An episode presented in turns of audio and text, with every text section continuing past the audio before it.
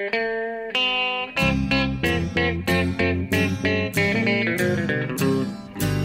out there, we're on the air. It's hockey night tonight. Tension grows, the whistle blows, and the puck goes down the ice.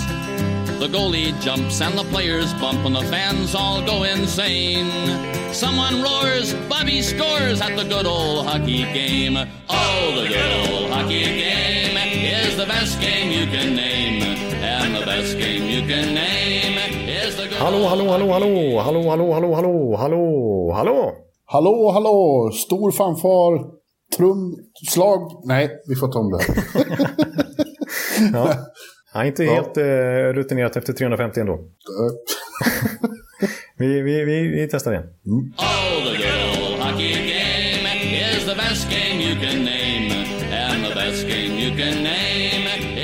Hallå, hallå, hallå, hallå, hallå, hallå, hallå, hallå, hallå, hallå. hallå, hallå! Hallå. Fanfarer, trumvirvlar och champagnekorkar i luften.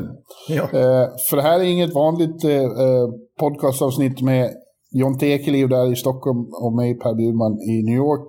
Utan det är ju faktiskt vårt 350 avsnitt. Ett litet jubileum ändå. Ja, det tycker jag. Det är en så pass jämn siffra så det tycker jag vi ska fira. Och vi gillar ju att fira lite grann när vi har sådana här jämna tal. Det har ju hänt, jag vet inte om det är till vår fördel eller nackdel, men att jag har börjat sjunga, liksom konstruera lite egna låtar och sånt där. Eller så har Viktor Norén hjälpt oss när det har varit eh, jämna tal. Men då kanske det behöver vara, det, vi kanske får vänta till 400 innan det är dags igen då. Ja, vi får vänta på Viktor är så folkkär just nu efter eh, eh Så mycket bättre. Just det, han har blivit lite för stor för NHL-podden tror jag. ja, precis. Eh, Vi får lov att pröjsa honom om man ska Ja, exakt, exakt. Ja, men som sagt, 500 har vi utlovat eh, till de kanske 5-6 stycken som är intresserade. Att då kommer det finnas NHL-podden merch. Men 350 avsnitt, det, det har väl i snitt varit en timme. Lite, lite drygt, då, som man Ja. säger.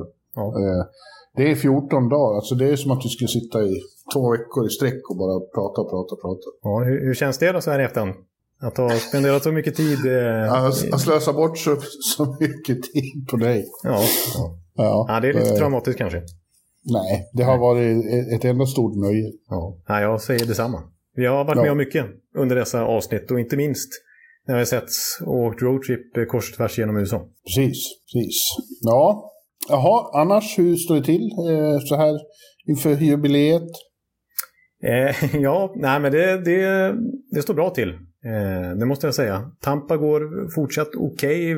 Liten flopp här mot Devils i helgen var ju tungt för mig. Men eh, annars, jag är en fika, jag är ju väldigt fika-sugen och jag vet att efter avsnittet här så, så apropå 350 då, så väntar en liten morotskaka som sambon har fixat där hemma. Så, eh, Ja, Då mår jag eh, uppe i 4 plus, det skulle jag säga. ja vad härligt. Men du, det var ju inte bara att de fick stryk, de har ju åkt på... Ditt Tampa åkte på en tung skada där också. Med, nu är Brandon Point också, week to week.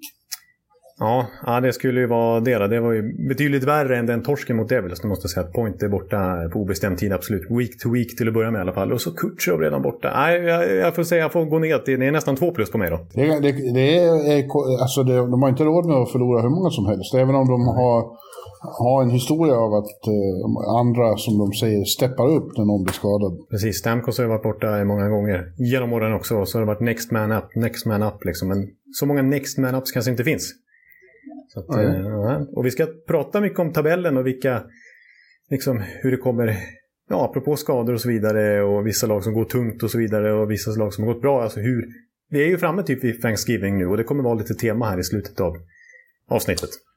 Ja, inte bara typ Thanksgiving. Det är Thanksgiving på torsdag. Nu är det spelfritt och vi sitter här i USA och äter kalkon. Så det skvätter om det. Just det. Du brukar inte vara så förtjust i att de proppar in eh, marshmallows där i salta maten. Jag, tycker inte om uh, Thanksgiving-maten överhuvudtaget. Nej. Men dessbättre så ska jag till Boston eh, på hockey. Så jag, jag, jag firar själv och, och utan, utan den där maten. Egentligen skulle jag vara med en kompis hem till hans familj i New Jersey, men det blir inget med det. Och, och eh, oss emellan så är jag väl Kanske lika glad bra. för det. Det är i och för sig väldigt trevligt, trevligt att vara med i familj på en sån uramerikansk tradition. Men, men maten, eh, no, not for me. Ja, ja jag förstår. Jag förstår. Ja. Men eh, apropå att du ska till eh, Boston eh, snart så har du eh, varit och svängt lite här nyligen i helgen. Så det var du visserligen kvar i New York men du åkte ut till Long Island Och så fick du vara med om något väldigt speciellt får man säga. Ja, det var ju äntligen eh, invigning och premiärkväll i eh, UBS Arena. Mm. New York Islanders nya eh, flashiga hemmaarena i Belmont Park. På Long Island. Eller eh, det går inte att säga att det är Queens. Eh, eh, den stora stadsdelen som ligger på Long Island men aldrig man säger aldrig så, man säger Queens. Det här ligger i, mm. i höjd med JFK Airport kan man säga. Det är lite närmare än vad Colosseum var. Uh, uh, och det, tar, det är lite smidigare att ta sig dit, även om trafiken på, på, på Long Island Expressway är horribel. Det minns du från när vi åkte ut uh, på den där Toronto-matchen. Det är bumper to bumper där ute. Men nu går det också ett... Det går att åka tåg dit och, och därifrån också. Så det känns det känns ändå eh, som ett lyft även på det sättet. Men framförallt är det ju ett lyft vad gäller liksom själva arenan. Ja. Eh, komforten, allmänna eh, viben kring allt. Den alltså kostar 1,2 miljarder dollar att eh, ja, det uppföra, det vill säga 10 miljarder kronor. Ja, det är fruktansvärt. Det är... Ja, det. Så kostar det. Det är billigt jämfört med fotbollsarenorna. Den är i Vegas Eh, nya fotbollsarenan, den gick väl på mellan 4 och 5 miljarder dollar. Men uh, huruvida det var värt så mycket pengar vet jag inte. Men den, den är liksom att jämföra med Colosseum är som att jämföra en, en, en, vad heter det, Ferrari med, med en... En Fiat, en, för att låta som Zlatan. Ja, ja, eller en, en rostig, rostig damcykel. Okej, okay, så en eh. Fiat hade varit klass i jämförelse kanske till och med? ja, mm. ja, den är den var riktigt fin alltså. Den, den, eh, och, och, och gjord för hockey. Alltså Islanders har, har äntligen fått ett riktigt hem. Liksom, där allt är perfekt vad gäller vinklar och, och, och, och sånt. Man, man känner att här, det här är en riktig... En, som Barry Trotz sa efteråt, en, en riktigt modern hockeyhall, fast med old school feeling. Det var, ju det, man, det var ju framförallt det man undrade. Kommer stämningen att bli lika hög här som det var i Colosseum? För det, stämningen där var ju ett vapen för laget. Verkligen. Det, det var ju otäckt för motståndarna att vara där. Eh, mm. Och jo då, det, det, så kändes i alla fall den där premiärkvällen. Stämningen, mm. åtminstone innan matchen var, eh, och, och i precis i början, var helt eh, enorm. På det sätt man, man har, har lärt känna ute på, eh, i Union Dale där. Ja, det gick faktiskt genom tv-rutan tycker jag också. Att det var, det var tryck. Ja, mm. och bra akustik. Liksom det blir, de sa det alla som det var, det var fruktansvärt hög, högljutt på isen. Ja. Gick inte att höra varandra och så. Ja, det påst- jag vill säga det att det har påståtts att eh, Trots och inte minst Lamoriello har haft ett finger med i liksom, arkitekturen bakom här. Att få vara med i, redan på skissningsstadiet liksom, för att få till, de, just för att få till det här akustiken ja. och ljudet och att de verkligen vill ha det. Eh, en, en hockeylada som är ovälkomnande för motståndarna rent ljudmässigt i alla fall. Eh, ja. Och apropå old school-känsla överhuvudtaget, old school Lou, jag tycker hela byggnaden, eh, även utvändigt, exteriören, det, det ser snarare ut som någon Harvard-bibliotek än att det skulle vara något rymdskepp där på strippen. Alltså det, det, det är ja, riktigt sån old school-känsla över hela, trots att det är toppmodernt, eh, verkligen, så är det liksom den här klassiska bunkern. Liksom. Ja, det, men det, på, det påminner lite om eh, vad heter det? American Airlines Center i Dallas, eh, exteriört. Jo, lite så här. Det är också så här, te, lite tegel, brun tegel. Eh. Mm. Maffigt? Ja, ja. På ett annat sätt? Klass, klassicistiskt tror jag man kallar stilen, tror jag. Jag är inte någon arkitekt, arkitekturstudent, men jag tror det heter så. Eh, ja. Det har också, och det är väldigt mycket faciliteter där. Greg Wyszynski på ISBN konstaterade eh, att det finns 17 barer i, i, i hallen. Och han ja. besökte alla premiärkvällen. Han, han gick på en tur. Starkt jobbat. Ja, och, och någon fyndig läsare sa 17 barer. I, I Colosseum fanns det knappt 17 urinoarer. Jaha, oj. Ja, då, då är det ett lyft. Var, ju, det var ju känt för det. Det var enorma köer till toaletterna där ute på, i, i Colosseum. Ja, det har jag ett minne av själv, att man fick hålla sig lite där. Det var ingen idé att gå ut liksom. Nej, eh, men det har de, allt sånt har de ordnat. Personligen var jag också mycket eh, nöjd med att kunna konstatera att pressläktaren var utmärkt. Ja, ja men det förstår jag att det väger tungt när NHL-bloggen ja. är på plats. Ja, ja. ja. Eh, nej, mellan 4 och 5 plus absolut. Ja, just det. Jag tänkte fråga faktiskt om plusbetyg och det, det landar på en nästan på 5 plus i alla fall, ja. där och nosar. Ja, absolut. Det får man lov att säga. Eh, enda tråkiga eh, i jämförelse med Colosseum att det är lite besvärligt med parkering. Eh, det, parkeringarna är utspridda eh, på konstiga håll, eh, ganska långt ifrån. Det är så här shuttles och grejer inblandade. Jaha, det är ju lite jobbigt. Ja, eh, och det är ju tråkigt med tanke på att eh, en fördel med, med Colosseum var ju den stora parkeringen och att de alltid hade sådana eh, tailgate-partyn där. Just det. det var ju en, en ett unikt... Eh, eh, det är nästan... Det är bara, bara där och i Raleigh ja. som, som det förekommer inom hockeyn i princip. Ja. Ja, det kommer jag ihåg den där Tavares comeback-kvällen när han var tillbaka första matchen när vi var där. Jo. Eh, liksom när, man, när man redan på den stora parkeringen, liksom när det bara redan där osade av eh, testosteron höll jag på att säga, men, och av eh, grillbuffé. och liksom nästan brända ormar höll jag på att säga. Det var, ja, ja, det var något speciellt. Ja. ja, det enda tråkiga, en annan tråkig detalj för, för eh, Islanders är att det inte har gått så bra där i början. De förlorade premiären mot eh, starka Calgary som vi kommer att återkomma till. Och så eh, ett par eh, dygn, kvällen efter så förlorade de även mot Toronto. Ja. Eh, och, och de fick ju en tung, tung slut, tungt slut även på den långa roadtrip då som, som föregick premiären, de var ju, fick ju lov att börja med 13 raka bortamatcher och på slutet haverera helt. En mardröm sa Barry Trotz själv att det var. Ja, just det. Vi och, och, nu, och nu finns det ju fler eh, eh, orsaker till det. De, covid har ju slagit till där också. De har haft sex ordinarie spelare borta på covid-protokollet. Och en sån som Josh Bailey, han sitter fortfarande i karantän i Florida. Ja, just det. Han har inte fått åka upp än, för att det är Sverige. Mm missa hemmapremiären på grund av det. Mm. Ja, det måste ju varit tungt. Han är den som har varit där längst. Ja, just det. Eh, vi får se. Eh, det blir ju en ny slags premiär nu då på onsdag kväll. Då, då är det första New York-derbyt någonsin i, i, i denna nya fashionabla hall. Ja. Eh, kommer Rangers ut. Eh, Battle of New York. Det blir ju det blir ju jävligt spännande att se också. Då åker Biffen dit igen också, förstås. Det gör han. Ja. ja, nej, precis som du säger där. Corona har slagit hårt. Nu såg jag att Chara har satt upp på den listan också. Att ingen är tillbaks, vad jag förstår, till onsdagsmatchen heller. Och så har det kommit rapporter om att Brock Nelson kan vara borta upp till fyra veckor. Efter att ha skadat sig här nyligen. Och eh, ja, Ryan Pulock har ju brutit foten. Så att det är ett väldigt skadeskjutet och coronasargat Islanders som ju har, vad har de, 7-8 poäng upp till slutspelsplats. Så det är Ja, det är, det är väldigt olyckligt. Det, det, den här starten, den här, eh, det här upplägget med den här långa bortaresan, det kan besegla deras öde i år. Precis, för visst, 13 raka bortamatcher, det är ju riktigt tungt. Men man tänkte ett lag som Islanders som ändå med sitt extremt ingjutna spelsystem, att de kanske skulle kunna klara av det. Det såg ju ut så inledningsvis i alla fall. Men ja, de hoppades väl att det skulle bli ett litet break här och liksom få en ny start när de kommer in i nya arenan. Men då kommer hela den här coronaproblematiken, då kommer de här skadorna. Så att eh, avståndet riskerar att bli ganska långt till slutspelsstrecket i värsta fall. Ja, eh, ja åtta poäng. Och, och, vi har ju pratat om det här flera gånger. Det är ett, nästan mantra här. Att, ja. eh, det, är, det, är, en sak att ha stor framgång i början. Det, det måste inte betyda så mycket. Men, men eh, hamnar man för långt efter så blir det, det blir väldigt jobbigt och, och svårt.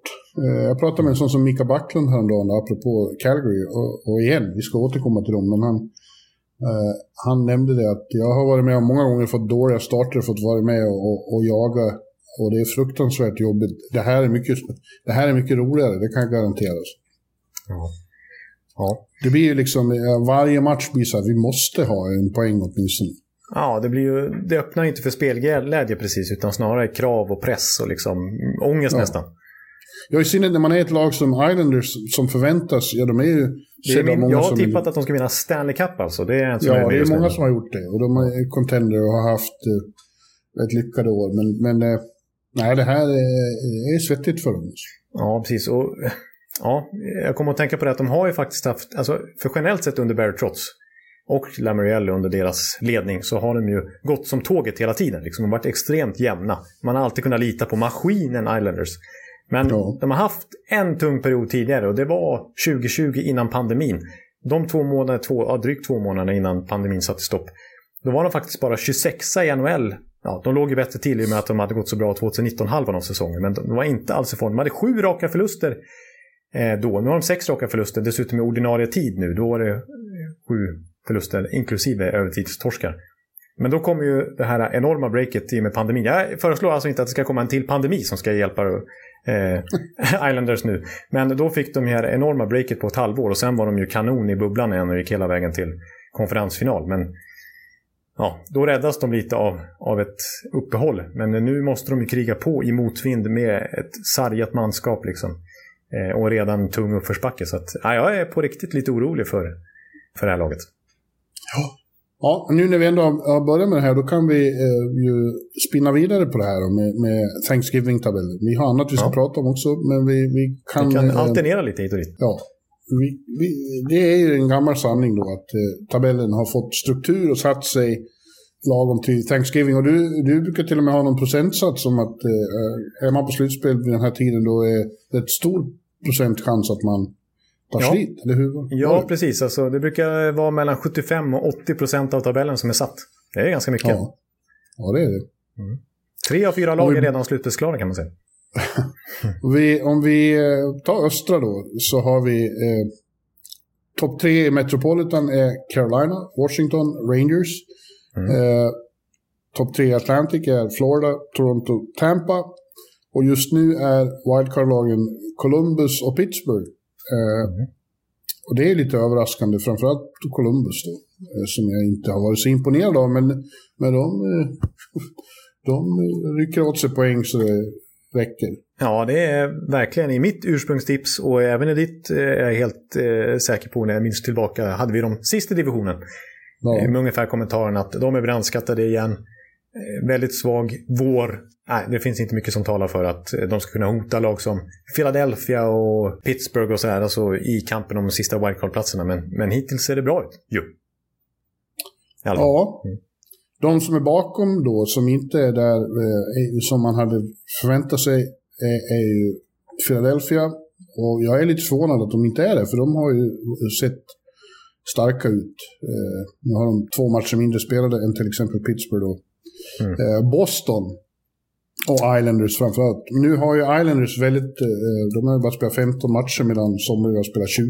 Precis, Detroit till exempel har väl spelat 20 medan just Boston har ja. spelat, spelat 15 också. Så att de är ju rent, går man på segerprocent så är de ju före. Boston är ju ett litet, eh, man får inget riktigt grepp om dem för de har spelat, för just för att det känns som de har spelat väldigt lite. Ja. Eh, och det har väl varit både vin och vatten. Liksom. Ja, precis. Alltså, Alltså när man tittar på underliggande siffrorna som jag brukar göra och lyfta motorhuven där och, och, eh, jag brukar ju dra en hel del slutsatser av det. Då ser det som vanligt ut under Bruce Cassidy. Hans system funkar. The Perfection Line är fortfarande stekhet och Brad Marchand åldras verkligen inte alls. Han blir ju snarare bättre och bättre. Eh, så. Men annars är det liksom återigen lite de här gamla vanliga käpphästarna. Att secondary scoring existerar knappt. Mm. Trots Taylor Hall. De blev av med David Krejci och han verkar sakna en riktigt bra center in till sig.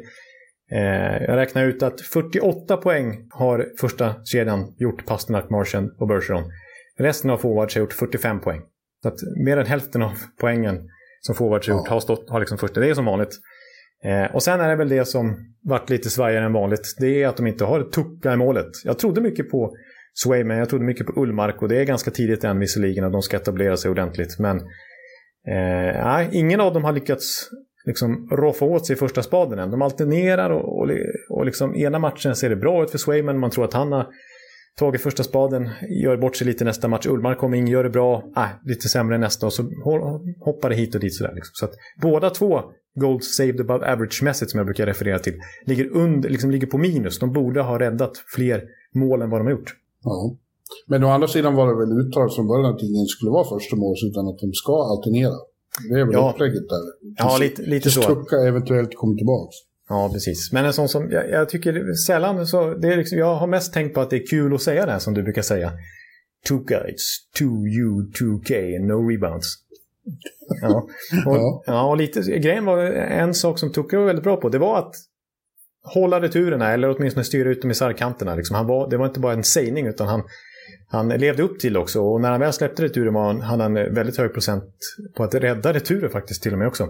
Medan Swayman har fått mycket kritik här på slutet för att han liksom, ah, det, är enkla skott som han släpper retur på rakt ut. Och Bostonbackarna är inte riktigt vana vid att behöva hålla koll på så enkla returer. Liksom. Så att där behövs det skärpas till från den orutinerade Alaska-födde målvakten. Och även Ullmark har haft en sådär start i sin nya klubb. Vissa toppmatcher, vissa mindre bra prestationer. Ja, eh, de är inte så fasligt långt efter. Framförallt inte med tanke på eh, så många matcher färre spelade. Men mm. eh, ja, de, är inte, de är ju bara två poäng från, från wildcard. Så ja. det är ju ingen panik där. Men de skulle behöva lite mer consistency, som, vi, som, de, som det heter. Ja, faktiskt. Mm. Mm. Vad gäller de i topplagen, överraskningen där är väl... Eh, det är ingen som helst överraskning att det är Florida, Toronto och Tampa som, som dominerar i Atlantic. Nej, det är som väntat. Ja. Det är mer, mer förvånande att ett lag som Detroit eh, har hyggligt häng på dem. Eh, men det kommer att vara de tre som har de där platserna. Det är bara fråga om intern placering där. Ja. och just nu känns ju Florida eh, ruskigt svåra att komma ihåg. Även om de hade nog lite svacka de förlorade på bortaplan. Men hemma förlorar de ju aldrig. Nej, de känns det. Vi får se. Jag blir också eh, lite spänd på nu när faktiskt Barkov är borta ett, kanske ett par veckor. Hur, liksom, vi har hyllat deras bredd, inte bara spetsen. Liksom. Jag sa i något avsnitt sen att de kan nästan formera fem kedjor som är, som är bra. Liksom. Eh, mm. Men nu, nu är kronjuvelen borta som sagt och, och, då testas de ändå lite mer tycker jag. Då måste vissa kliva fram lite tydligare. Jo. Ja. Så att eh, båda ändar av isen, för Barkov är ju liksom go-to guy både i egen zon och framåt. Mm. Överraskningen i Metro då är ju att Rangers är trea. Om man ser till vad vi... Ursäkta, nu har jag fått en morot i thirst-strippen igen. Ja. hallå? Hallå. Hallå, hallå, hallå.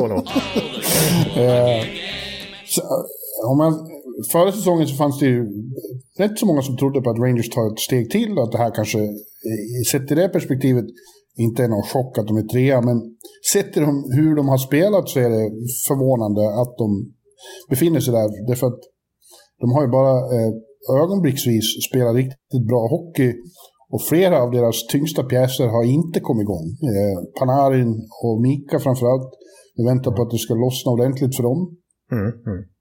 Eh, och att flera av unga killarna ska komma. Nu har Capocaco eh, fått lite islossning efter att ha gått poänglös i varenda match. Tio matcher i rad hade han noll poäng. Och nu, så fort det kom en så började det spraka om honom. Men Lafreniere eh, tycker jag är för det mesta ganska anonym. Ja, det är en besvikelse hittills får man onekligen säga. Han är ändå en... Eh, ja. Det snackades kanske inte om generational talent, det var inte McDavid, Austin Matthews-vibbar, men strax därunder. Och det känns nästan som en liten sophomore slump efter en svag debutsäsong sett till förväntningarna också. Så att, eh, man har mycket högre krav på honom. Fick alltså inleda säsongen i första kedjan och man tänkte att det där kan bli en riktig sensation i år om Lafreniere får det att lossna. Men nej, eh, han eh, mm. skvalpar runt på nio minuter per match ibland numera. Men trots detta då så är de, eh, har de elva segrar och fyra förluster. Eh, och, och, tre övertidsförluster. För att de har, ja, mycket är Sjistorkin i kassorna har varit helt briljant. Men också att de har någon jävla förmåga och, och, och som det heter, eh, hitta sätt att vinna matcher. Mm. Krångla sig till segrar. Och så har Chris Kreider på ålderns höst blivit glödhet. Och, Han har bestämt sig för att utmana Ovechkin där och, och Dreisaitl ja. inget till toppen av skytteligan. Ja, det var det verkligen ingen som hade räknat med innan säsongen började. Nej, nej, nej, precis. Verkligen inte. Det var en typisk match här i början av den här veckan, mot, eller i söndags var det, mot Buffalo. Eh, när det, det var en otroligt underlig match som till slut står ja, 4-4, så avgör de med 0,7 sekunder kvar. Ja, man får säga att det studsar lite Rangers väg trots allt den här säsongen. Jo. Ja, men också det var en period i, i mitten av andra, på en dryg minut var det fyra mål. Alla skott gick in åt alla håll och kanter. Ja. Ja, nej, men det kanske man får ge lite cred vill jag säga också till Gerard Galant om han lyckas hitta sätt att vinna med Vegas första säsongen. Han lyckas hitta sätt att vinna med ett F-landslag för Kanada i VM. Han lyckas hitta sätt att vinna här med Rangers under hösten trots att de spelar sådär. Ja, ja det, blir, eh, det, det intressanta för deras del är ju att det finns så mycket mer uppsida. Liksom, att det finns så mycket som kan uh, bli bättre. Och framförallt om, om uh, the big shots uh, liksom hittar sitt groove och mm. börjar producera som man är van vid, Panarin och Mikael, då, då, då, då, kan de minsann ligga kvar här. Precis, alltså som eh, hittar Zibanejad tillbaka till ja, februari 2020-form. Och Ja. Panarin till detsamma. Han var ju stekhet då också och, och mer eller mindre, han blev väl Hart-nominerad till och med. Jag menar, då har ju Rangers, ja, snacka om sparkapital och vi har ju nämnt Lafreniere och så vidare om de skulle få igång de unga spelarna ännu mer också. Ja, det, Så att eh, Rangers, ja. Mm. Bistert, extra bistert för Islanders att se då, som har så tungt till, till allmän förvåning. Och, eh, eh, de som det går sämst för av de tre eh, New York-lagen, Devils går ju också bra. Det är bara en Ja. poäng från wildcard-plats. ja. Imponerande. Ja, det är det. I synnerhet med tanke på att Jack Hughes som såg så, såg ut att vara liksom i begrepp att explodera de här två, de två matcherna, en och en halv match han hann spela. Eh, han går skadad sen dess med trasig axel. Vi får se när han kommer tillbaks. Men eh, det är väldigt eh, starkt gjort av dem att att ha gått så bra. Ja, och mycket tack vare två svenskar som har hittat kemi med rookien Dawson Mercer. Det är de tre som leder interna poängligan på runt 12-13 poäng hittills. Jesper Bratt och Andreas Jonsson då. Jonsson Ja. som ju fansen inte alls gillade efter hans första säsong och tyckte han vill vi bli av med. Det här var ingen lyckad värvning från Toronto. Men nu har han ju vänt dem totalt. Här. Nu har de insett att det är en, det är en bra spelare. Eh, Ja, det är en av de roligaste kedjor jag har sett, tycker jag. Eh, Ja. eh, live. Det, det, det, verkligen eh, slår gnistor om dem. Där snackar vi spelglädje. Ja, verkligen. Eh, Bratten är fantastisk, eh, vilken liksom energi han har. Hur han verkligen sprutar runt som någon slags mini-Viktor Arvidsson. Ja, precis. Det är, det är en väldig energi på alla tre egentligen och inte minst Jesper Ja. Bratt. Eh, och, och de eh, passar bakom ryggen till varandra och de, de, har, de skrattar i båset och liksom de, ja, Ja, de njuter. ja. ja det är eh, härligt att se. Ja. Men jag, jag tänkte att jag vill säga lite mer om ett lag som vi nämnde i början här, eh, Columbus. Tycker jag ändå som Mhm. sagt att ja, jag måste ändå vika mig lite hittills i alla fall för eh, jag, häng, jag liksom hakade på Blue Jackets-fansen lite där och tyckte det var antiklimax att utse Brad Larsen till ersättare för Tortorella. Eh, liksom, Tocket hade ändå varit där och blivit intervjuad. Galant han ju var där innan han naturligt nog tog Rangers istället. Och, liksom, och så Brad Larsen som någon slags mini-Tortorella kommer in. Eh, utan erfarenhet av att vara huvudtränare på den här nivån. Liksom. Eh, men han verkar ha gjort det bra hittills. Han har ju den här Tortorella, liksom, han står lite för hans hockey. Men tvärtom så är det ju inget drama nu i, i Columbus överhuvudtaget. Det är liksom inga rubriker om, som skvätter hit och dit och il, ilskna utbrott och så vidare. Och det, är inte, det liksom bänkas inte spelare om de inte gör poäng på tre matcher. Och det kastas inte runt i kedjorna utan det är plötsligt en väldig kontinuitet vilket det verkar ha varit nyckeln för, för liksom Columbus. Det är lugn och ro. Mm. Eh, Och jag imponerades lite av eh, vad han sa här om natten när de mötte Vegas. Det kanske var helgen. Eh, kanske gått några dagar nu. När Janmark gjorde ett mål som Columbus upprörde sig mycket på. Just då. För att först var Janmark offside. Då blåstes det inte. Sen kort därefter så var han onside och gjorde mål. Mm. Och, och det blev matchavgörande. Och Columbus tyckte då, ja, Brad Larsen valde att ta coach challenge. Men det blev ju mål då i och med att de kan bara bedöma den senaste situationen trots att det var väldigt kort emellan då. Eh, Ja. Eh, och efteråt istället för att vara eh, gubbgrinig och, och få något Tortorella-utbrott så sa han bara ah, 100% of me, I should know the rule. Eh, mitt fel, jag tar på mig det här. Det var ett misstag av linjedomaren att eh, inte blåsa i första läget. Sen gjorde jag ett, ett lika stort misstag och tog coacher challenge efteråt. Så det är mitt fel. Alla gör misstag. Eh, den här gången var det jag som gjorde ett stort misstag. Liksom. Han, det, var, det var absolut inget skylla ifrån sig eller så. Nej, nej det, är- det är bra. Ja, eh, jag har ändå... Jag ser dem, jag såg dem lite mot Buffalo igår. det- Ja, det är ju e-, ett lag, liksom, men det är inte superbra hockey. Nej, nej, det- är det nog inte. De kanske har haft lite medstuds i, ett, ett antal matcher. Men eh, ja, jag, ty- jag noterar att en sån som Max Domi, visserligen bara 6-7 matcher som han har varit skadefri och, och kunnat spela, eller coronafri. Eh, och gjort det väldigt bra. Eh, Den, lite av den gamla Max Domi som har synts till igen. Och sån som Patrik Laine innan sin personliga tragedi. Han har ju varit skadad men, men eh, hans pappa gick ju bort i dagen. Eh, så Ja, han har åkt hem till bara Finland. 54 år gammal. Ja, ja det var riktigt eh, som har haft stor inverkan på Lines karriär och, och liksom eh, övertygade honom faktiskt som 12-åring att byta från målvakt till forward och det gjorde han ju väldigt rätt i. Mm. Så, så, så sent som 12-åring som var han faktiskt målvakt. Nej, så det är väldigt tragiskt. Men han hade en väldigt bra säsong fram till dess. Då kände man igen Line. Eh, och många av dem liksom offensivt de som ska producera offensivt, de har verkligen fått det att lossna. Som som Oliver Björkstrand är över point per game den här säsongen hittills. Så det är lite skillnad mot Tortorella, att de offensiva kanonerna verkligen har släppt lös mer eh, mm. under hösten. Ja. Mm. ja, om vi tittar på väst då. Den ja. tabellen som också ska börja få konturer nu då. Eh, så är det de tre lagen i Central som eh, toppar det. Är Minnesota, St. Louis, Winnipeg. Mm. I Pacific är det Calgary, Edmonton, Anaheim. Och wildcard-lagen är Vegas och Nashville. Mm. Eh, strax utanför har vi Colorado.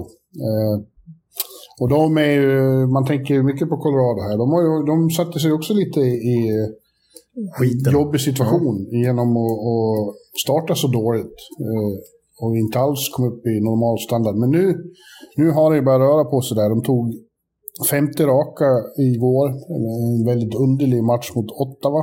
Ja, det blev Som till vann med 7-5. Ja. Och det var ju ingen, ingen av de mer imponerande insatserna eh, sett till helheten. Men de vann och eh, de eh, har ju liksom själva insett, eh, larmklockorna börjar ringa där när de börjar hamna för långt efter. När dessutom McKinnon gick bort, förstod, eller gick bort, förlåt. Det var, gick bort? Det, så, så, nej, det, det, så uttryckte jag mig inte. nej, det där sa jag inte. Jag sa, eh, jag sa, eh, jag sa försvann, att... Nej, han försvann sa jag, det hörde ni. Eh, då, eh, Stackars McKinnon. Ja, det var inte, förlåt mig. Jag ber om ursäkt personligen till Nathan McKinnon. Eh, han lever i allra högsta grad. Eh, men eh, han är inte med på isen i alla fall och, och då känns det som att andra kliver fram. En sån som Burakovsky tycker jag har öst in poäng här på slutet till exempel. Och Makar inte minst. Makar som hade en svag start på säsongen. Hade ju någon match närmare minus fem. Mm. Eh, men eh, nu har han formligen öst in mål inte minst. Ja, ja men jag, jag, jag hade något samtal med Landskog för ett tag sedan där han verkligen underströk det. Att de hade liksom insett själva att det här håller inte. Vi kommer hamna för långt efter så kommer det bli svinjobbigt. Eh, vi, måste, vi måste redan nu börja liksom spela vår bästa hockey. Okay. Och, och det...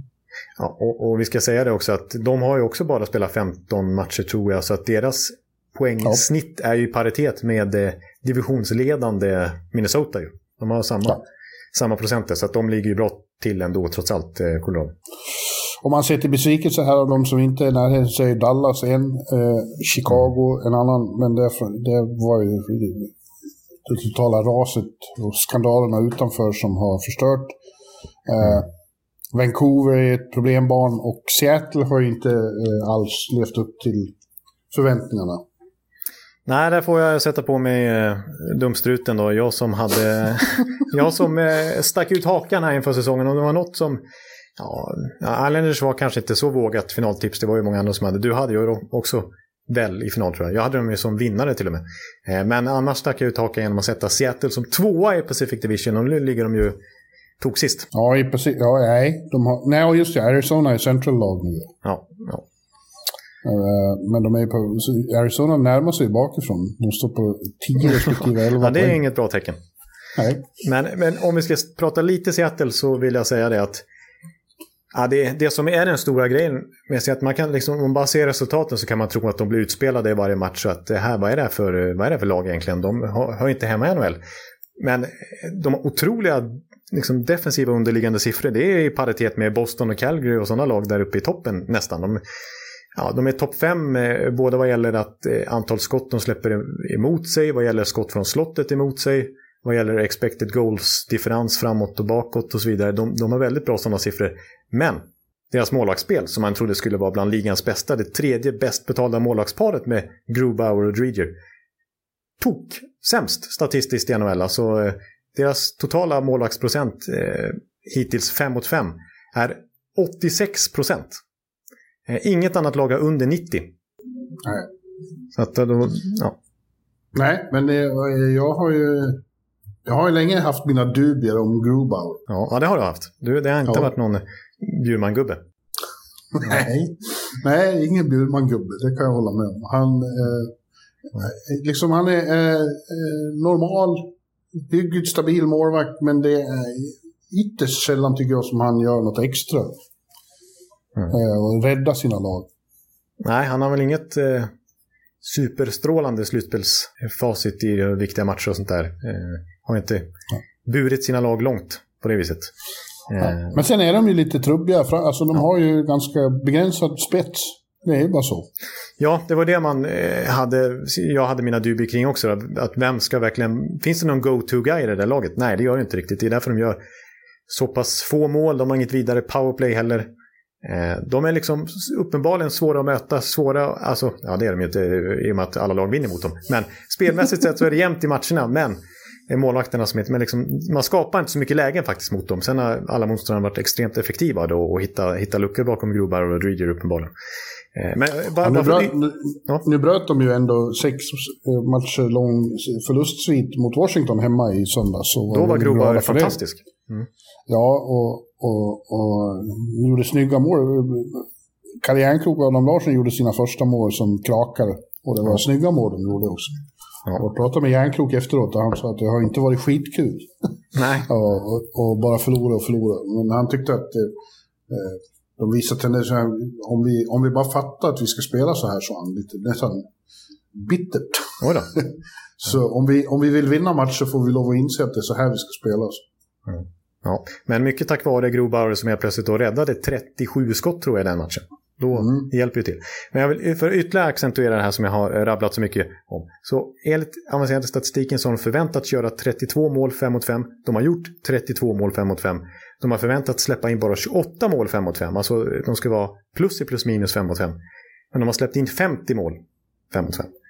Eh, Groba är ju toksist i alla eh, målvaktskategorier. Så att, eh, det vill till att han spelar som mot Washington om de ska kunna repa sig. Nu, de har ju 10 poäng upp till slutspel så att den här säsongen känns ju körd för Seattle. Ja, ja, det blir ju väldigt svårt, absolut. Det, det har man väldigt svårt att se. Mm. Eh, Dallas har vi väl pratat lite om, eh, men det, där är det också...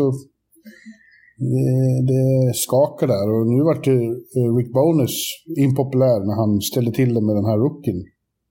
Riley Tufty, eller hur vi ska uttala. Ja, som hade fått alla signaler om att han skulle spela i, i det var i Minnesota va? Ja, precis. I St. Paul. Och, och Där han kommer ifrån. Såg till att hela tjocka släkten kom dit och så, så vart han scratchad. Eh, bara timmar innan matchen och Bonus har inte haft någon riktigt bra förklaring till det. Han har liksom skyllt på massa saker. Ja, liksom att ja, men nej, han fick ju reda på det här vid 16-tiden. Det är gott, gott om tid att cancellera. Det löser ni. Jag bestämmer. Ja, det, Nej, det var inte så bra. Nej, det känns som något eh, är väl disharmoni där. Det är inte otänkbart att det kommer ett tränarbyte där. Nej, jag håller med dig. Eh, men om vi tittar på de som är klara då, eh, eller klara, men de som är där uppe. Vi har några riktiga utropstecken och vi, vi sa ju att vi skulle prata mer om Calgary och, och de, de är nog de som imponerar mest av alla. Ja, Florida och Carolina får man ju liksom lov att, att ha enorm respekt för. Men sett i förväntningarna mer, kanske?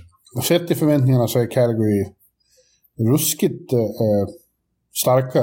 Uh, jag satt just och läste en lång uh, intervju på Athletic där uh, Pierre Brun har pratat med andra coacher om dem. Ja, jag har läst den också. Ja, med ja, Cassidy och Renato ja, i Buffalo. Mm. Hitchcock också, ja. Det var, det var intressant, eller hur? Mm.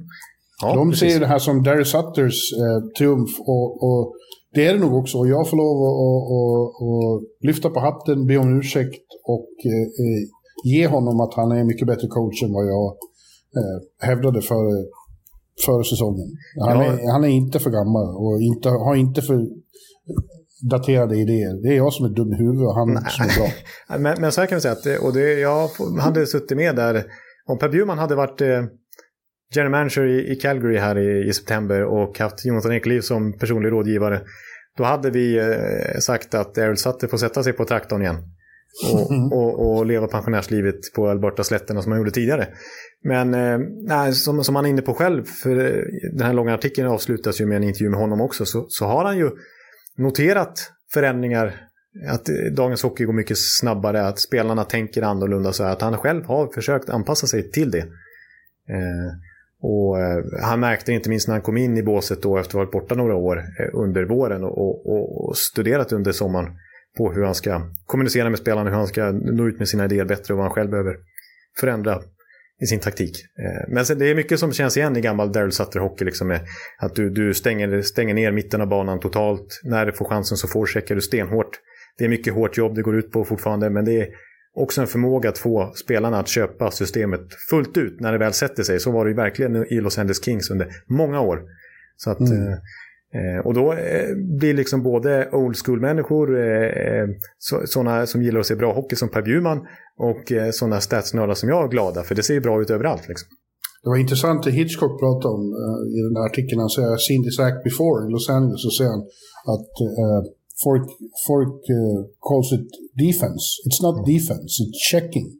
Oh. And a big part of checking is puck management. A big part of checking is getting the puck out of danger areas. A big part of checking is getting getting it into forwards' hands as quickly as possible, uh, and then hanging on to it in the offensive zone so that you get the team on the three quarter ice game. And that's what Daryl's teams is doing right now. Ja. Ja, ja du ser. Nej, men sen är det ju enskilda spelare som har lyft sig enormt. Eh, vi kan ju börja målvakterna. Alltså, eh, de har hållit nollan sju gånger. Eh, Markan fem gånger och Vladar eh, två. Ja, precis. Alltså Markström har redan slått personligt rekord med fem nollor. Så Vladar som man tänkte som en lite menar, Boston gjorde sig av med honom av en anledning. Han har visserligen liksom varit en toppmålvakt i AHL i många år, men, men det var en anledning till att de lät honom gå till Calgary och ta in Ullmark istället. Och satsa mm. på Swayman och, och, Ullmark. Men Vladar har varit bra och inte minst Markström. Alltså det, det är otroligt. Sju nollor som du säger hittills på de här två keeprarna. Det har inte hänt i NHL sedan 1929. På bara 19 matcher. Helt otroligt. Ja. ja. Och eh, det är inte så att någon precis åker omkring och, och, eller sitter på läktaren och undrar fan vad vi saknar Mark Giordano. Nej, nej. Eh, inte alls. Rasmus Andersson och, eh, har ju blivit nästan nya Gio. Ja, precis. Han spelar ju en minut mer än någon annan i laget och är försvarsklippan får man säga. Och Oliver, eh, jag har alltid trott att man säger Kylington, men det gör man inte. Man säger Nej, de säger till och med Shillington borta i USA ju. Ja. Eh, ja. vi har försökt vara amerikanska och säga Kylington, men inte ens de eh, uttalar så. Jo. Nej. Ja, han har ju också fått sitt stora genombrott i år och är given i laguppställningen. Eh. Bara det vill jag säga, flika in, är en signal om Daryl Sutter. Tror jag att han hade liksom eh, premierat en spelartyp som Oliver Kylington 2012. Det är jag inte säker på. Utan, eller Kylington, förlåt mig, nu sa jag fel igen. Eh, det känns som att han... Jag orkade inte påpeka. Nej, nej, utan det känns som att han har liksom uppdaterat sig lite och, och, och vill... Ja, han har alltid pratat om pack management som en viktig del av spelet visserligen, men liksom nu, nu, nu förbiser han kanske vissa brister hos Shillington och ger honom verkligen förtroendet. Och då ser vi vilken bra spelare han är. Han har ju verkligen blommat upp i år. Mm. Ja, men även på forwardsidan då, som, som Johnny Hockey, Johnny Gaudreau, eh, har ju liksom mött en ny vår här. Ja. Eh, och Andrew Mango... Mangiapane. Mangiapane. Uh, han är ju alltså tvåa i, i skytteligan bakom. Eh, han är, ligger jämsides med, med Ovechkin och bara Dreisaitl framför sig. 15 mål på 19 matcher av Andrew Mangiapane. Ja. Vilket genombrott. Ja. Mm. ja. Men det är bra genom hela liksom, uppställningen. De har en bra fjärdekedja med Brad Richardson också. Och, Elias är, är het och... och nej, ja, det, väldigt, eh, väldigt enormt stort framsteg för Calgary den här säsongen. Så är det bara. Exakt, och både Cassidy och Granetto var inne på, båda de två coacherna blev ju nollade av Sutter. Ja. var inne på att de bara osar självförtroende. Att de, jag tyckte de nästan talade om dem lite grann som när Islanders är på topp. Att det är som en maskin att möta. Det är extremt svårt att komma åt, komma på insidan. Liksom. Mm. Eh, man, man, blir, man blir trött på, på dem till slut. ja, det enda, eh, Edmonton är också väldigt bra. Och deras ärkerival sedan eviga tider. Mm. Eh, och det enda tråkiga nu är att det dröjer innan vi får se ett, ett eh, Battle of Alberta. Det, ju, det skulle vara helt fantastiskt att se nu. Först ja. 27 december, eh, i mellandagarna, så blir det ett eh, Battle of Alberta. Och då är jag eh, God willing i Sverige. Just det, det, ska ju, det blir ju faktiskt så till slut. Ja, och då kanske, eh, kanske sitter hemma hos dig. Vi ska försöka ha en eh, NHL-natt hemma hos dig. Ja, en eh, NHL-bloggen sittning i Åsögatan-soffan istället. Ja, det skulle ju vara väldigt Med roligt. Battle of Alberta som timing, vem vet? Ja. Vem vet, vem vet. Eh, ja, eh, Anaheim fortsätter ju. Eh, jag tycker att du någon gång får ge, Du vägrar ju ge dig om dem. Du tycker inte de är tillräckligt ja. bra, men det Nej, tycker det, jag. Min bild av dem, eller min liksom, eh, mot, mitt motstånd mot dem krackelerar eh, lite grann vecka för vecka. Det har inte liksom ja. rämnat än. Den här Anaheim-motståndet att det kommer hålla under 82 matcher. Men ja, jag, jag, ser dem som starkare än... Jag ser dem som starkast skulle jag vilja säga i Kalifornien åtminstone. Ja, just nu är de det. Även om LA och San Jose eh, fortfarande inte har liksom... Har inte ihop. De är, de är konkurrenskraftiga också. Eh, San Jose tog ju en riktigt tung seger igår genom att slå Carolina. Ja, det är inte många lag som har gjort det den här säsongen. Nej. Och Minnesota, vad säger vi om dem? De är ju stabila. Ja, de är... Precis, alltså Minnesota skriver jag hem redan nu som ett slutspelslag. De känns oerhört homogena. Ja, nu har de ju tagit sig upp på första platsen där, men jag, jag har sett det som en lock att det blir de och Winnipeg som möter varandra som eh, tvåa och trea i, i den där divisionen. Ja, jag tror Colorado kommer sluta etta. Ja. Eh, och speciellt när McKinnon kommer tillbaka. Eh, och sen så, ja, sen vill jag ha med St. Louis där som en utmanare till 2-3 också. Ja, de är inte dumma. De är, jag får ge mig att jag hade lite fel om dem också. Ja. ja. Ja, sen är Nashville, får vi se, de är bättre än väntat och möter ja, Shane, har, apropå mötte ny vår. Ja, verkligen. Men det har du pratat om, han hade, han hade satsat hårdare i år också. Var det mer seriös med träning och så? Ex, exakt, eh, så är det ju. Så att, eh, eh mm. Jag har har haft lite medstuds eh, rent eh, analytiskt också, men eh, då kan man ju skylla på att förra året hade han väldigt mycket motstuds i sådana siffror också, så att det jämnar ut sig lite. Ja, Ja, de, är, och, och, och de saknar Filip som är skadad. Jag tror det handlar om hjärnskakning. Det är väl inte bekräftat, men jag tror det. Mm. Eh, och eh, om han kommer tillbaka och börjar producera så finns det, det finns uppsida där med.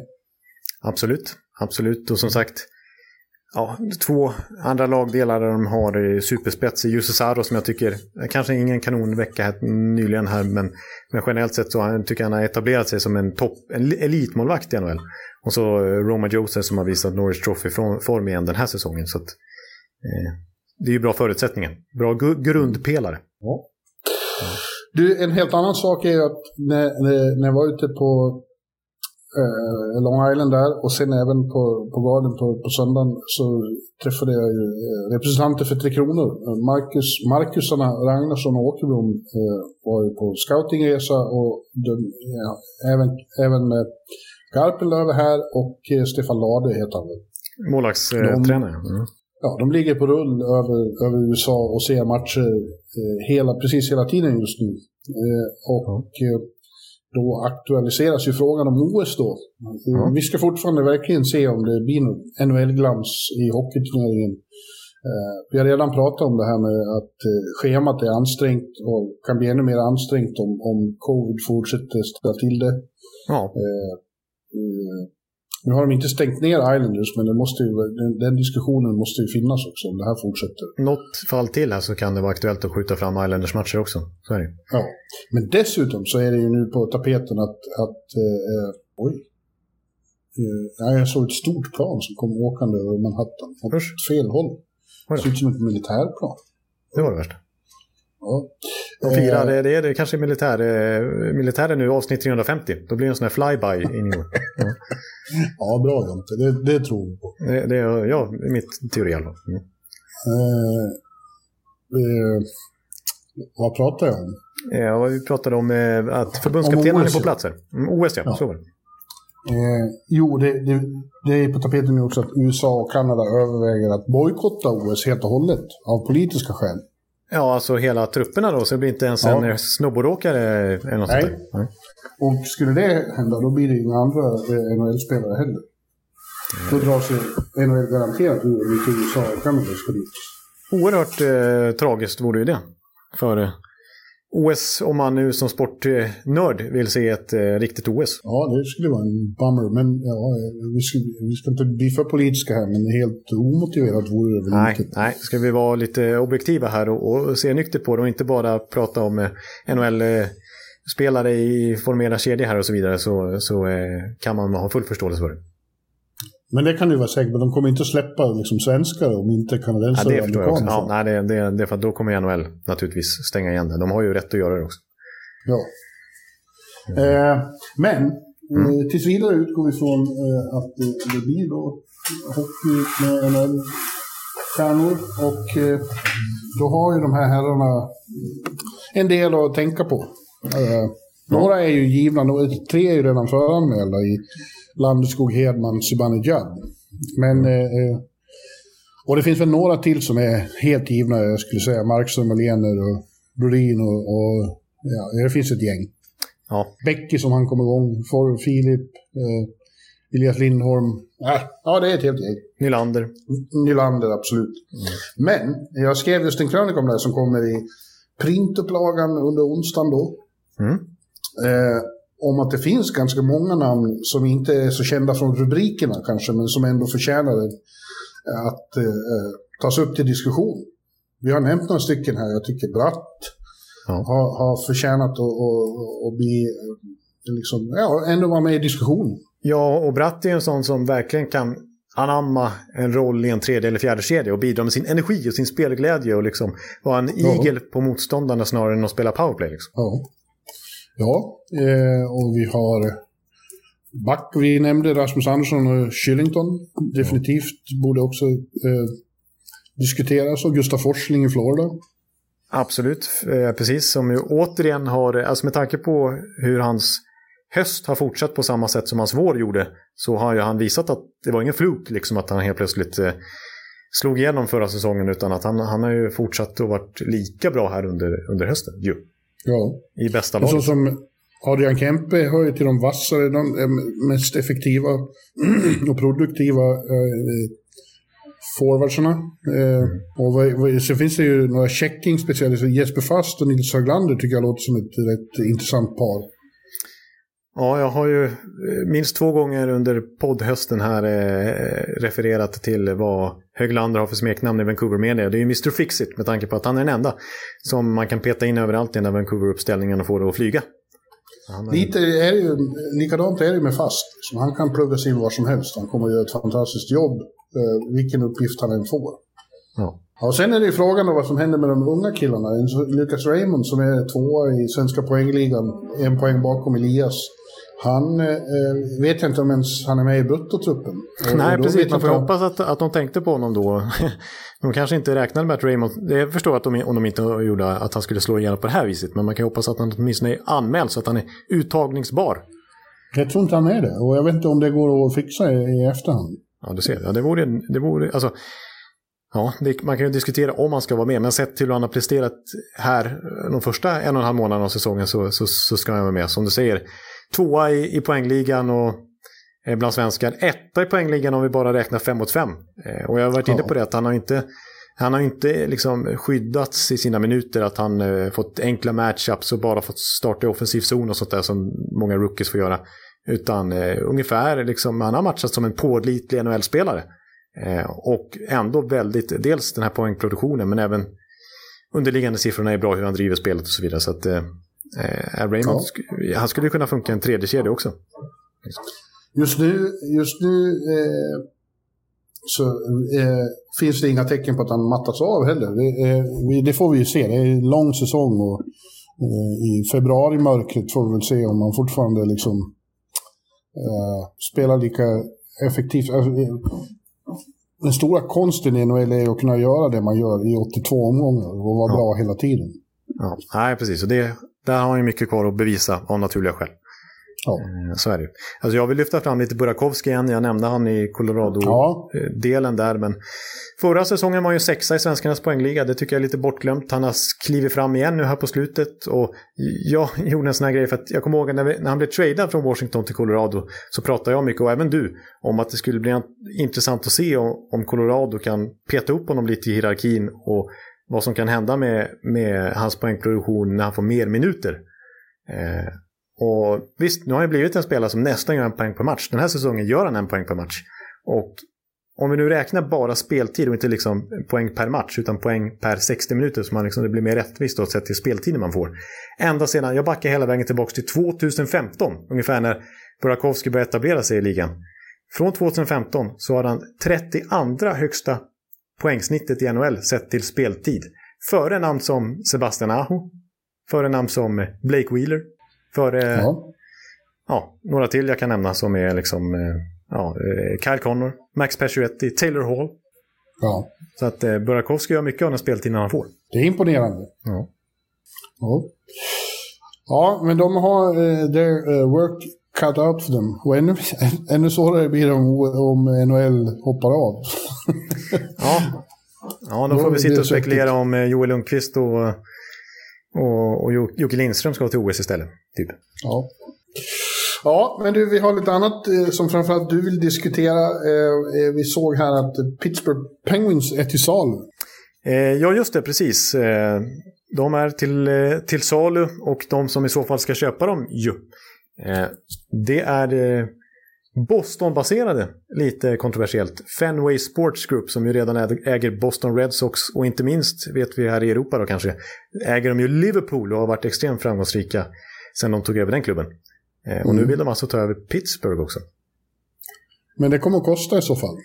Ja, precis. Eh, exakt. Eh, vi såg nyligen här hur, vad, vad det var för inträdesavgift för Seattle när de klev in i ligan. Och den var ju lite så, så att man baxnade av. Eh, 650 miljoner dollar fick ju de betala eh, för mm. att, liksom, som inträdesbiljett. Och eh, summan då som Fenway Sports Group måste betala Maru Lemieux och hans eh, kompanjoner i Pittsburgh. Det blir ju då 900 miljoner dollar.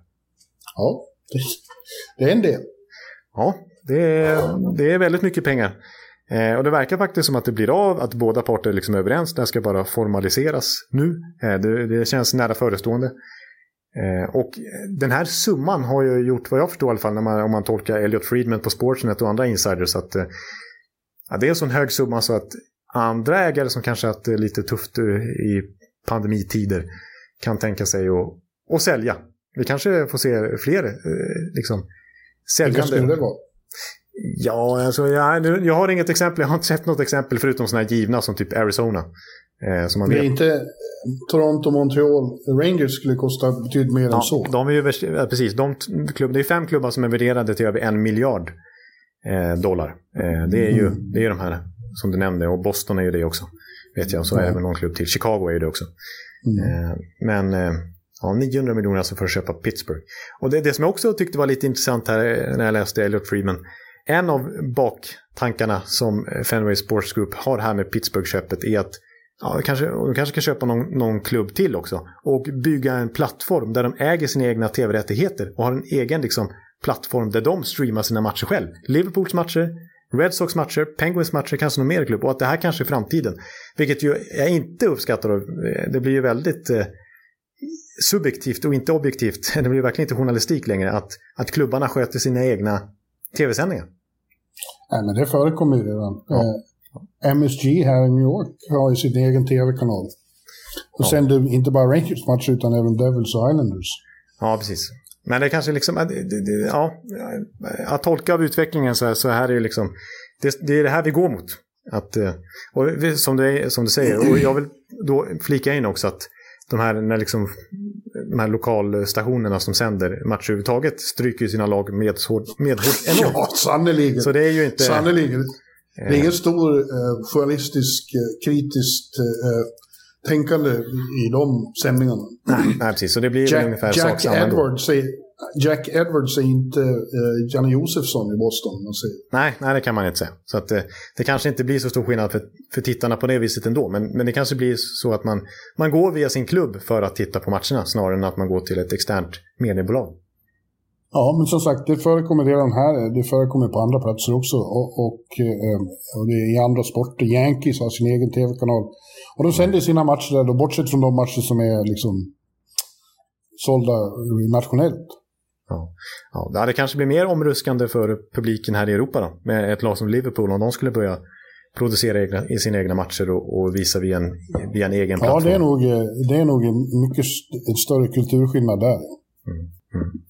Mm. Ja, ja, det blir intressant att se. Trevligt för Mario att få lite mer eh, stålar i plånboken. Ja, han ska ju vara kvar som någon slags minoritetsägare och det är väl skönt för honom precis att få lite stålar efter att så, alltså han är ju den enskilda person som har betytt mest för sin NHL-klubb alla kategorier. Så som han har räddat klubben kvar i Pittsburgh överhuvudtaget. Han har varit med och finansierat den här fina nya arenan de har sedan några år tillbaka. Så han har sin, sin, sitt namn inskrivet fem gånger både som spelare och ägare. Så att, eh, ja. Ja, han är nog nöjd med, med den här dealen.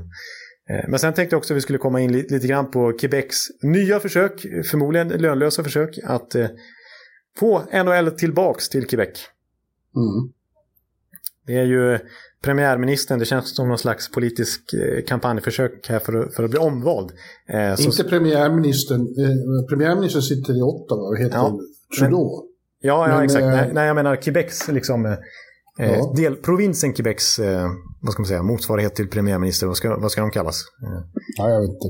Jag är inte insatt i kanadensisk politik, men, men ja. Ja, han i alla fall, han är, han är ju riktig hockeysnubbe och han vet att det är viktigt att framstå som det också i Quebec.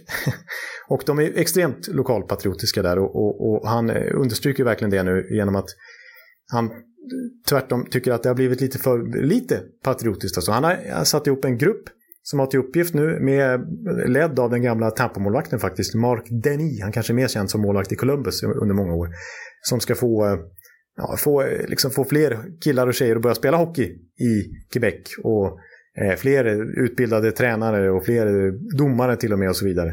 Ö ytterligare liksom öka hockeyintresset som är ännu mer nationalsport nästan i Quebec än vad det är i hela Kanada. Eh, så att, eh, och, och, få ännu fler NHL-spelare i slutändan. Och till och med ett NHL-lag. Han påstår ju då att han ska ha ett möte med Gary Bettman i början av 2022. De har ju en jättefin arena där, Video, Centre Videotron. Som stod klar mm. 2015, som ju tar 18 000 och ser ut som ett rymdskepp då, till, till skillnad från Old School Loose Arena i, på, på, i Queens. Ja, det låter ju som ganska fruktlöst. Det, det, kommer inte komma några fler expansion-lag på, på, på, på, på decennier, nu när de har 32 lag. Ja. Det skulle vara någon flyttar dit då, men man kan inte tvinga någon att flytta till Quebec. Nej. Och eh, NHL eh, tycker fortfarande att det är en lite för liten marknad. Ja, precis. Det skulle vara då om Arizona som inte har någon arena nästa år, om de då skulle tvångsförflyttas helt plötsligt, ungefär som Atlanta gjorde 2011 på kort tid. De tvångsflyttades inte. De Nej. hade inga ägare i, i Nej, Atlanta som, som var villiga att driva verksamheten. Så det, var ju liksom, det fanns ju inga alternativ. Nej, medan Marulo där i eh, Arizona som är rätt ny som ägare där verkligen vill strida för sin klubb. Ja. Och Arizona har ju alltid klarat sig hela tiden. Hur mycket kris de än har varit i. Så att, eh, vi får se. Men eh, jag såg också ett förslag där som verkar inte vara liksom långt gånget och kommer ju inte gå igenom det heller. Men ta, liksom är lite talande för lokalpatriotismen bland fransk-kanadensarna. Att de hoppas få ett eget lag i JVM. Med bara fransk-kanadensare. Liksom okay. Quebecs eget lag som ska möta Kanada för att ytterligare liksom visa ungdomarna här att ni ska vara fransk-kanadensare. Vi ska slå vakt om vår kultur. Ja, eh. det tror jag också är lönlöst. För det, då blir det politiskt känsligt. Det där är ju ingen, ingen eh, lätt fråga i Kanada. Den är väldigt infekterad. Ja, nej, så det kommer inte bli något heller. Men nu liksom när vi har kommit 350 avsnitt in i podden. Jag har fått så mycket skit för mitt uttal. Det här kan bli döden. Det här kan bli eh, spiken i kistan för, för mitt som uttal. Eller så kan det bli den stora eh, revanschen. Jag har då, apropå det här med ett eget Quebec visserligen då juniorlandslag, så har jag tagit ut Quebecs OS-lag. Med bara Quebec-födda spelare och jag ska försöka uttala det här på så bra fransk-kanadensiska som jag kan. Wow. Ja. Så här har du, här har du. I mål har vi Marc-André Fleury. Han har backup Jonathan Barnier. Ja. Sen har vi backarna Thomas Jabot och Christopher Letain. Ja. Sen har vi... Du måste väl inte... Jo då. Marc-Edouard Vlasic ihop med Samuel Girard från Colorado. Då. Och i sista mm. backplag David Savard och Jeremy Lauzon från Seattle. Och första kedjan, den, är inte, den här kommer du bli imponerad av. Första kedjan för Team Quebec i OS i Peking. Jonathan Ibardo, Patrice Bergeron och David Perron. Andra kedjan, Jonathan, det är många Jonathan i det här laget vill jag bara. Ja. I andra kedjan, Jonathan Marchesson, Pierre-Luc Dubois och Anthony Manton. Och i tredje kedjan, Jonathan Drouin. Vänta, vänta, vänta. Vem var tredje man där sa du? Anthony Man Man Mantan. Mantan? Ja, man, Manta. Ja, ja. Mantan. Ja. Eh, I tredje kedjan, Jonathan Drouin, Philippe Dano och Anthony Duclair. Och i tredje, fjärde kedjan då, Mathieu Joseph, Yanni Gort och Alexis Lafrenier. Ja. ja, jag ska, jag ska mejla eh, Johanna Fredén och be henne lyssna på det här och se vad hon Ja. tycker om ditt franska uttal. Ja, jag är spänd. Jag gissar ändå på 3 plus. Nej, jag skulle gissa på är... eh, två minus. Nej då. Jag tror Ja. ingen låter sådär. Du, du tror I- inte i att den jag fransk- räddade att jag tog revansch här?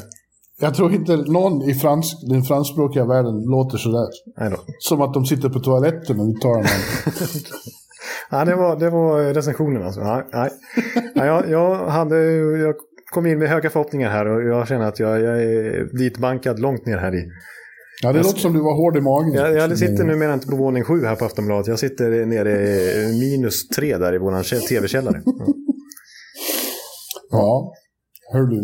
Ja, ja, ja men ditt... Eh, ditt du, eh, jag vill bara eh, skjuta in en sak här som vi inte hade med. Vi har fått en eh, fråga på eh, mejlen, du och jag. Jaså? Eller jag, jag fick den. Eh, från eh, en eh, Robin Wallstedt, men han vill kalla sig Robin Scheifly. Så vi kan ut, utgå från vilket lag han håller på. Ja, jag har en teori. Mm. Tack för en underbar podd som ni levererar. Jag har, jag har en fråga som jag tror att du kan svara på. I vår NHL Fantasy-liga så är vi lite oense om vad en one-two punch är. Ja. Vissa menar att det är en duo med två spelare i samma kedja, medan andra menar att det är två spelare som spelar i varsin kedja.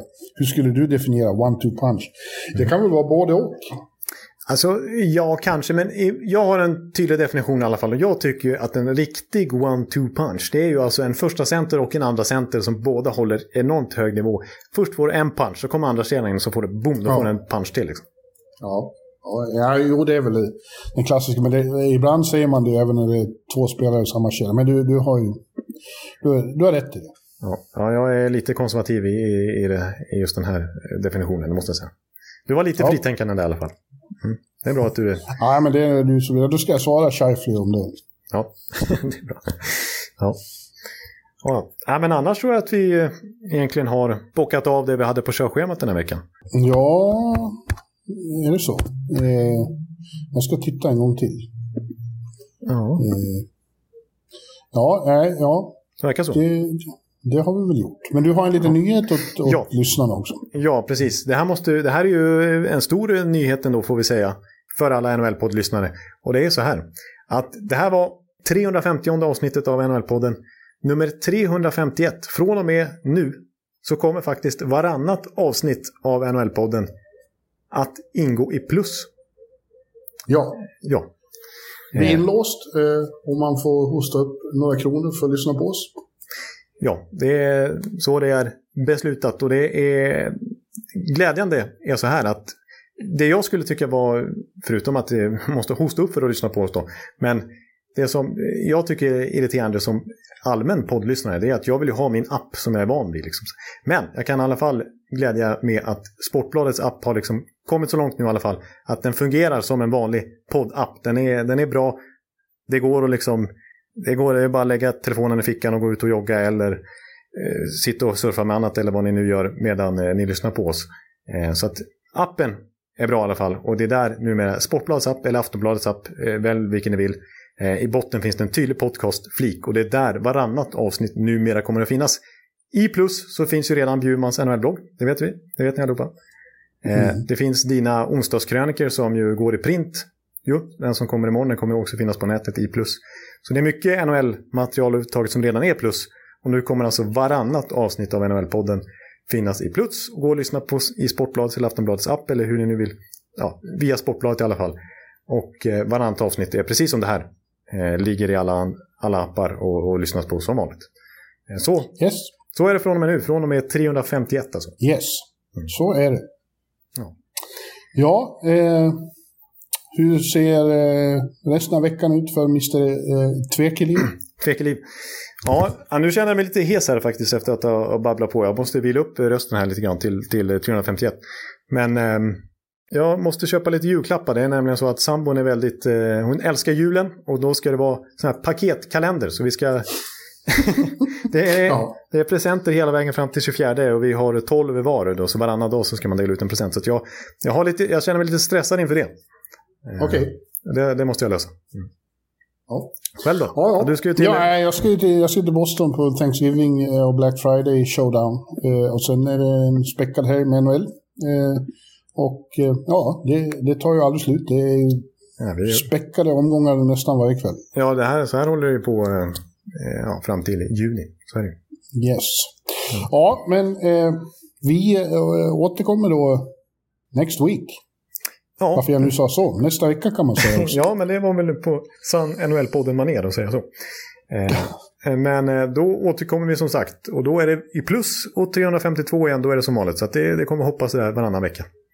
Eh, Ja, vi hoppas men, ni... eh, eh, ja, vi hoppas ju såklart att, eh, att ni eh, tycker det är värt så mycket så att ni vill hosta upp några kronor. Ja, det skulle vara roligt. Dels lyssna på NHL-podden och dels läsa NHL-bloggen. Och, Ja, verkligen. ja. Så vi säger så för den här veckan och eh, på återhörande. Hej, hej! Hej! Hallå, hallå, hallå. Hallå, hallå, hallå. Alex Chiazot, Joe Luis Arena och Esposito. Esposito. Uttalsproblem, men vi tjötar ändå. Och alla kan vara lugna, inspelningsknappen är på. Bjuder Hanna Kohl, han är grym i sin roll. Från Kållesoffan har han fullständig kontroll på det som händer och sker. Det blir ju allt fler som rattar in hans blogg. Och lyssna på hans podd.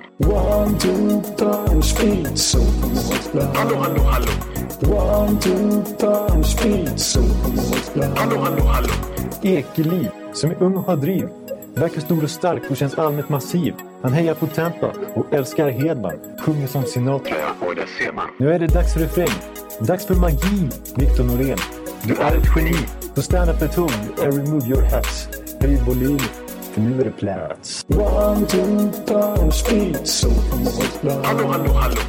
One, two, time, speed, so Hallå, hallå, hallå. One, two, time, speed, so Hallå, hallå, hallå.